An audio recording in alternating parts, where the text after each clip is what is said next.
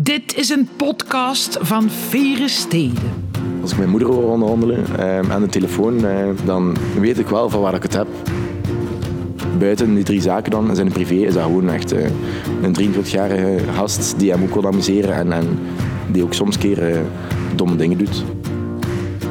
Een van de grote nadelen of problemen is ook slaap. Uh, uw stem zit ervan af, zoals mij een beetje nu. Het zou wel tof zijn moest er nog een paar zaken bij komen. Wat is het leven met binnen zijn? Als je 100 miljoen op je rekening gaat staan en op je gat kunt zitten in de zon. De werkende Genteneer. Ik ben uh, Andreas, ik ben 23 jaar. Ik zit nu zes jaar in de horeca. Um, en sinds uh, drie jaar, een kleine drie jaar, heb ik de Final overgenomen. Onlangs ook um, vorig jaar Toujours en uh, dit jaar Niche Club. Vroeger wou ik, wou ik voetballer worden. Um, maar dan spreekt het echt over uh, 14, 15, 16. Zo die typische jongensdroom. Um, toch de typische voetballende jongensdroom. Maar dat blijft natuurlijk allee, een droom. Hè. Ik heb altijd gezegd van kijk, ik, ik zou liever niet in loondienst werken, ik zou liever voor mezelf werken. Ook als, als kind, als 12-jarige, 13-jarige op school. zei ik altijd tegen mijn economieleerkracht, ik, ik, ik, ik ga niet voor iemand werken. Ik ga mijn eigen ding doen en ik ga wel zien waar ik goed in ben. Ik ben begonnen op mijn 18 in uh, het nachtleven, eigenlijk erin gerold. Uh, begonnen bij Mise en Place, een uitzendkantoor voor studenten. Uh, daar een, een, een, dik half jaar bij gewerkt en uiteindelijk dan begonnen in de finale in Gent op mijn 18. Daarna was ik eigenlijk zo de student waarop je kon rekenen. Om 12 uur s'nachts nog bellen van kunnen toch nog werken, kunnen toch nog afkomen, kunnen inspringen. Om dan op mijn 19 eigenlijk zelfstandig manager te worden. En daar eigenlijk een jaar, een jaar voor gewerkt, terwijl ik in het weekend nog andere jobs deed. Uh, EXO in Sint-Niklaas kwam daarbij kijken. Blackbox uh, 66 in Deinze. En verschillende andere opdrachten. Soms een freelance op een festival en zo. En dan op mijn 20 is uh, de huidige eigenaar toen naar mij gekomen om te zeggen van we willen het niet overpakken. Dat was in 2019 als ik me niet vergis. En dan een, een dikke acht maand later uh, was het lockdown. Uh, de eerste lockdown. Dus dat was wel een, een, een, kleine bummer. De eerste maanden was echt zoeken van hoe en wat en, en wat gaan we nu doen en, en met wat zijn we bezig en, en zijn er vooruitzichten. Nu, die kwamen er niet. Maar corona heeft wel zo uh, de, de neiging gegeven van kijk, hoe gaat u verder ontwikkelen? Waar, waarin wilt u focussen? Wat is eigenlijk hetgeen wat u wilt doen met uw leven? En daaruit kwam dan een eigenlijk een nieuwe opportuniteit. Een zaak die failliet was gedraaid, ook in de Overpoort. En waardoor het pand eigenlijk vrij kwam te staan. En daar is dan uh, Toujours uitgekomen, samen met mijn vernoot uh, Pieter. En om dan uiteindelijk in, op 8 mei 2021 open te gaan. Om dan een paar maanden later weer uh, de lockdown in te moeten in november. Um, en dan weer een beetje eigenlijk van ja, wat gaan we nu doen? Net weer een investering gedaan. En dan eigenlijk onze draai gevonden. Om dan uiteindelijk um, in de laatste lockdown nog een opportuniteit te zien en een niche club erbij te pakken. En dat was ondertussen dan uh, ja, 2020, 22 dit jaar. Om dan zo uiteindelijk tot drie zaken uh, te komen in het Gentse nachtleven.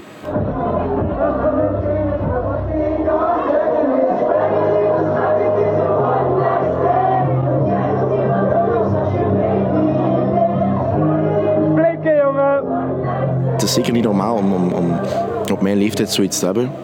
Um, maar ik probeer dat ook niet te bekijken volgens mijn leeftijd. Um, ik voel mij ook geen 23 mentaal, fysiek soms ook niet, door al dat nachtleven. Zonder arrogant proberen klinken, probeer ik wel te denken van kijk, ik ben geen 23, ik sta iets verder op dat vlak. Daarom niet intellectueel, maar zeker mentaal en, en probleemoplossend denken of, of kijk, er is iets gebeurd, oké, okay, so be it, wat zijn de opties en we gaan daarin verder. Ik heb sowieso ook de capaciteit om niet stil te staan met feiten en redelijk koppig te zijn en als ik iets wil, om mij daar echt in vast te bijten. Um, of als iets interessant lijkt, uh, om daarin verder te gaan. Dus het is zeker niet normaal om op je 23 zoiets te hebben, maar ik bekijk mij zeker niet als 23-jarige. Um, een typische dag nu, um, als, als zaakvoerder van, van drie zaken momenteel, je staat eigenlijk op twee, drie uur, omdat je anders niet vroeger kunt opstaan, omdat je je volledig afmat. Uh, maar dan beginnen ook de meeste afspraken, um, drie, vier uur, vijf uur, zes uur. Wat er moet gebeuren tijdens kantooruren, moet je dan ook gedaan krijgen. Omdat niet iedereen s'nachts werkt. En je eigenlijk de uitzondering bent op de, op, op, op de regel. En dan gaat het tussen 7 en 8 op het gemak naar huis. Maakt u klaar eigenlijk. Je eet, iets, je eet goed. Want uh, tijdens de nacht is er niet echt een pauze om even op het gemak uh, iets te kunnen eten. En dan tegen 10, 11 uur gaan we richting, richting de overpoort, eigenlijk, richting de drie zaken. Om dan uh, ja, eigenlijk als, als coördinerend persoon te fungeren. En af en toe ook bij te springen waar nodig. Als uh, de, een, een ploeg in, een bepaalde zaak even aan het verdrinken is in de drukte. Een keer een afwas doen, een keer uh, personeelslid van de ene zaak naar de andere zaak sturen. Um, om daar uh, de, de, boel op te lossen. Hopen dat er niet veel brandjes moeten geblust worden. Zoals wifi die plat ligt, kassasystemen die plat liggen. En dan tegen 5, 6 uur is dat een beetje gedaan. Bij iedereen op te kuisen, helpt mee met de kassa's te maken. En meestal zijn we rond 7 uur, half 8. Ofwel nog iets aan het drinken na de shift, ofwel op weg naar huis. Wij werken momenteel op een drukke donderdag met drie DJ's, twee portiers.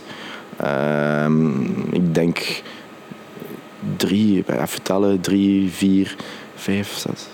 Ja, het zal toch een, dikke 15 man zijn op een drukke dag. Maar dat zijn niet allemaal vaste, vaste mensen in dienst natuurlijk. Dat zijn ook uh, studenten, flexies, uh, een bestuurder, een vernoot, um, ja, verantwoordelijken. Dus dat is een beetje variabel.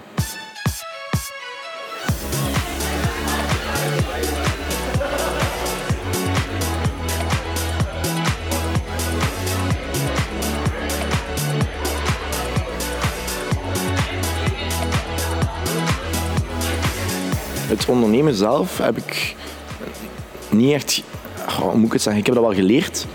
Uh, maar ik ben een beetje in opgegroeid. Mijn ouders zijn ook altijd zelfstandig geweest. Uh, mijn vader zit in de bouwsector, een, een bouwbedrijf, een, ja, een, grote KMO. Uh, en, en, vroeger als kind vond ik het altijd heel irritant. S ochtends was mijn vader al weg, kwam laat thuis. En ik had zoiets van, wat doe je hele dag? Wat doe je hele dag? En nu, nu ik ja, 23 ben geworden, ik was zoiets van, oké, dat was hij dus aan het doen. En, en daarmee was hij bezig. En, en tijdens corona heb ik ook bij mijn vader gewerkt. En zo leerde wel zijn manier van denken. Hij pakt dat een beetje over, onbewust of bewust. Zijn altijd zijn, de, zijn de zoon. En mijn moeder eh, heeft mij ook veel dingen geleerd op vlak van boekhouding en financieel en, en cashflow en hoe dat dan moet aanpakken zij doet ook nog een, deel van de boek, allee, een groot deel van de boekhouding, ik ga het zo zeggen. Um, en op die manier leren ze mij wel dingen. Um, ze, door mee te draaien en door ervaring op te doen en te leren van hun. En soms ook gewoon een keer te kijken wat ze aan het doen zijn.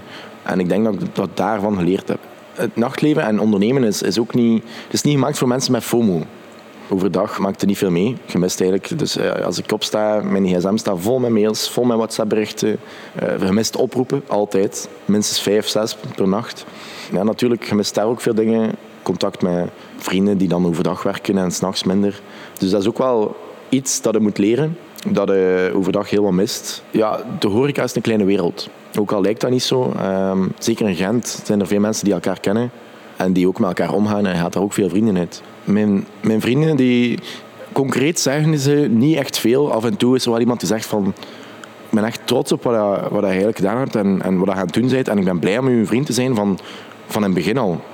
Um, en, en hoe dat geëvolueerd bent. Maar uiteindelijk doet mij nog veel meer deugd. En, en merkte eigenlijk meer dan ze trots zijn aan het feit dat ze willen meewerken in het verhaal. Ik ga je nu een voorbeeld geven van Maximilien, um, onze vaste fotograaf en die nu ook alle andere fotografen regelt bij ons in de zaak.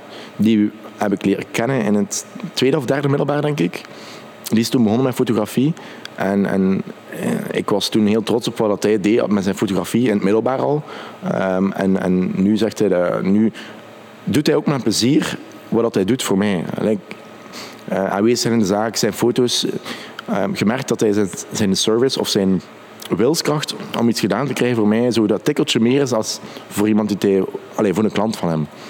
Um, dus dat doet voor mij het meeste deugd. En ook um, ja, die vrienden die ik ook al even ken, die werken nu ook grotendeels ook allemaal voor mij.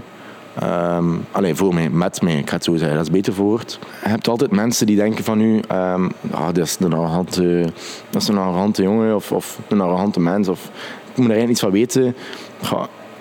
Die eerste indruk zal er altijd zijn. Ik heb ook niet echt... Ja, dit klinkt ook heel arrogant. Ik heb ook niet altijd de tijd om, om te antwoorden op iedereen zijn berichten of om te bellen. Um, maar ik denk, een keer dat ze mij echt kennen dat die arrogantie dat dat eigenlijk gewoon een, een, een onbewuste façade is die ze moeten doorbreken of, of een perceptie die ze hebben van mij. En, en ik denk wel dat dat een keer mij effectief leert kennen, dat er wel zoiets had van oké, dat is eigenlijk gewoon buiten die drie zaken dan, zijn privé, is dat gewoon echt uh, een 23-jarige gast die hem ook wil amuseren en, en die ook soms keer uh, domme dingen doet.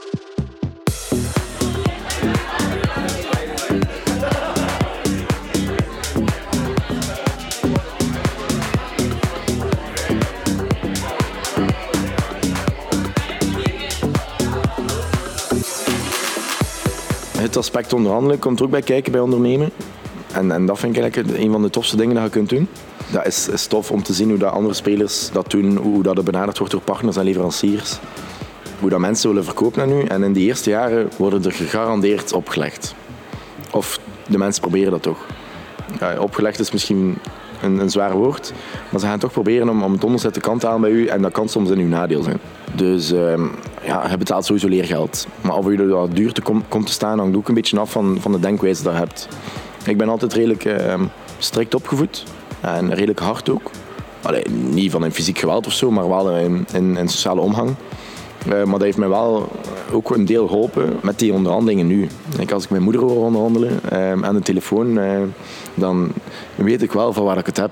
Die is echt keihard, maar keihard in de goede zin. Die laat dat niet doen, die sta, staat waar ze staat, zet haar voet soms neer en die zal niet bewegen. Um, en langs de andere kant, mijn vader is dan weer um, de man die zoekt naar oplossingen. Maar als je hem dan op zijn tenen trapt, gaat hij ook zijn voet neerzetten. Um, dus dat is een beetje dus gewoon een combo dat ik heb meegenomen, denk ik. Want kijk, als je echt met je, rug tegen de muur staat, oké, toch zoek naar oplossingen en toch misschien een beetje buigen, veranderen. Maar ik denk dat nu, na, na, een kleine drie jaar, toch verder sta in onderhandelingstechnieken um, dan, dan, dan, dan vroeger. Maar dat is, je leert dat niet op school. Um, je leert dat enerzijds door de persoon die dat zijt. En zij in staat om echt je voet neer te zetten en te zeggen van nee, of laat u eerder doen. Maar je kunt ook wel, allee, het is een beetje beide aspecten. Zijde iemand die graag onderhandelt en die dat tof vindt en die soms een beetje sluwe technieken heeft. Of zijde iemand die, die zich eigenlijk een beetje laat doen. En uh, daar komt sowieso bij kijken dat er soms een beetje geld of tijd of middelen door verliest. Voordelen zijn er, allee, zijn er altijd, toffe dingen zijn er altijd in het nachtleven. Um, maar over ondernemen en slechte dingen, ja, dat is er natuurlijk ook. Hè. We waren acht maanden bezig met de finale en dan één keer lockdown. En dan denk je van ja, vier weken, ça va, ça va, we komen daar wel door. Uh, en dat wordt dan twee maanden, drie maanden, vier maanden, vijf maanden. Hoe lang heeft het geduurd? Acht maanden. Eer dat nightlife effectief open mocht, is meer dan een jaar. En dan denkt wel echt, what the fuck, wat gaan we nu doen? Wat moeten we doen? En, en dan denkt wel even, waar ben ik allemaal aan begonnen? Als ik niet gewoon nog een jaar kan wachten en dan ja, slaat er u wel door, hè. maar dat is, dat is ook niet tof. Of andere dingen, als je meer over het nachtleven en ondernemen dan, als mensen nu overdag dringend nodig hebben, en je ligt juist om 7, 8 uur in je bed en 9 uur of 10 uur bellen ze wakker, ja, ik heb dat, dat en dat nodig. En dan pakt op met zo, zo een stem van, uh, ja, ik ga het regelen. En dan moet je opstaan, dat zijn echt de meest ambetant momenten. Uh, dan denkt je echt van, waarom zit ik in het nachtleven? Moet dat nog? Uh, maar dan ja, lig je een paar uur later weer in je bed en dan hoopt je nog wat te slapen. Uh, en wat dat ook soms hebt, ja, grote problemen. Uh, zijn een keer een betaling vergeten die niet doorvoert. Ze sluiten een boel af. dat is ook niet wijs. wat ik ook vind, samenwerken met overheidsdiensten, dat vind ik ook niet altijd even tof. Uh, ze, zijn, ze stellen altijd een deadline, maar zelf zijn ze meestal te laat. Of hebben ze dan nog nodig en dan nog nodig. En die zijn heel punctueel naar u toe, maar dan zelf is dat soms wat minder. En ook niet altijd even makkelijk, want ja, die stoppen met werken om half vijf. Uh, en dan kunnen ze niet meer bereiken.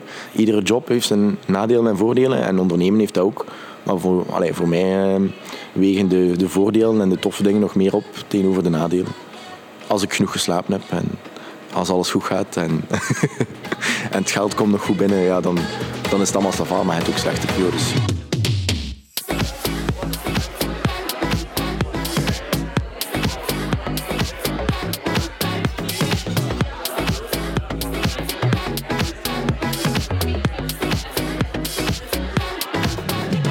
Die clichés in het nachtleven, of, ja, ze zijn er altijd wel en zonder blijven. Um, het is natuurlijk ook, als baarman, is, dat wordt gezien als een van de tien knapste beroepen op de, op de wereld of zo. Naast piloot en brandweerman en wat is het allemaal. En ja, als je jong bent en single bent en je amuseert je achter een toog en het is natuurlijk makkelijker om een keer een meisje of, of een jongen aan de hang te slaan. Dat cliché zal er altijd blijven, denk ik. En natuurlijk, ja, het zijn altijd veel mensen die, die in het nachtleven denken dat mensen drugs pakken. En dat is iets onvermijdelijk. dat ze dat denken. Ik ga niet zeggen dat ze dat denken voor de duidelijkheid. Maar bij ons is er alles een nultolerantie. Omdat ik er echt absoluut tegen ben dat dat gedaan wordt. Ehm, het is natuurlijk een gegeven dat er in Doverpoort uh, vorig jaar ehm, een paar dingen gebeurd zijn om, omtrent aanrandingen. En wij reageren daar heel kordaat op. Ehm, wij proberen echt duidelijk te maken van kijk, als er een meisje te veel dronken heeft of ze wil het niet, stop daar dan. Laat ze... Allee, zo. Hoe moet ik het zeggen? Ja, als je niet aan je trekken komt thuis, probeer dan ook niet in het nachtleven dat, die, die voldoening te krijgen daarvan. Als een meisje zegt nee, dan is het zo. Omgekeerd ook. Als een jongen zegt nee, dan kan het in beide richtingen gaan natuurlijk. Hè. Um, en als wij dat zien, van achter een toog of van aan de deur of van een DJ-boot, dan reageren wij heel kordaat. Die, die persoon moet gewoon stoppen. Mijn ambities voor de toekomst, dat is een beetje onduidelijk. Ik ben momenteel heel tevreden wat ik nu heb bereikt. Maar ik wil dat verder uitbouwen en, en um, eigenlijk een beetje bevestigen voor mezelf. Het is nu wel zover, maar natuurlijk ja, gaat volgend jaar ook nog zo zijn. En dat is voor mezelf dat ik dat wil bevestigen. Het draait goed, blijft goed draaien en het zal ook blijven draaien. Um, en voor ambities voor de toekomst, we zien wel waar de opportuniteiten liggen. En als er een opportuniteit zich voordoet, dan bekijken we die en, en, kijken we of dat we die kunnen aangaan, die uitdaging, of niet, of laten we ze links liggen. Ik, ik durf niet zeggen dat ik binnen vijf jaar ga staan. En ik durfde dat vijf jaar geleden ook niet. Maar het zou wel tof zijn moest er nog een paar zaken bij komen. Of in de evenementenwereld misschien nog iets kunnen doen. Of wie weet, ja, stop ik er binnen vijf jaar mee. Wie weet is het binnen vijf jaar uitgebouwd. En ja, het is onduidelijk. Ik weet het absoluut niet. Maar ik ga geen uitdaging uit de weg. Ik ga mijn ambities zeker niet uitspreken waar ik wil staan. Op pak nu mijn 30. Maar binnen zijn is een groot woord. Um, ik denk dat als ik pak nu dat ik 100 euro verdien en ik heb dat staan langs de kant, denk ik dat de kans heel groot is dat ik die 100 euro weer ergens ga investeren. En denk niet dat dat gaat stoppen, want ik heb mijn drive en mijn koppigheid ik, ja, wat is leven met binnen zijn? als je 100 miljoen op je rekening gaat staan en op je gat kunt zitten in de zon, dat gaat niet zijn, denk ik. Constant die concepten uitdenken, nieuwe uitdagingen aangaan en uh, je eigen blijven uitdagen. En dat hoeft niet voor andere personen te zijn, maar dat moet voor u of voor mezelf. En ik denk niet dat het gaat stoppen um, op een bepaald punt. En schiet mij niet dood als ik op mijn zeventigste nog bezig ben met iets anders. Of met nieuwe dingen. En, en bijleren. En ja, kan daar niet echt een, een, een datum of leeftijd of tijdspannen op plakken. Maar we gaan blijven doorgaan, denk ik. En, en constant blijven evolueren en innoveren vooral. Je luisterde naar De Werkende Gentenaar een podcast van Vieren Steden. Alle andere afleveringen en meer informatie vind je op vierensteden.be. De productie van deze podcast was in handen van Studio Bloos.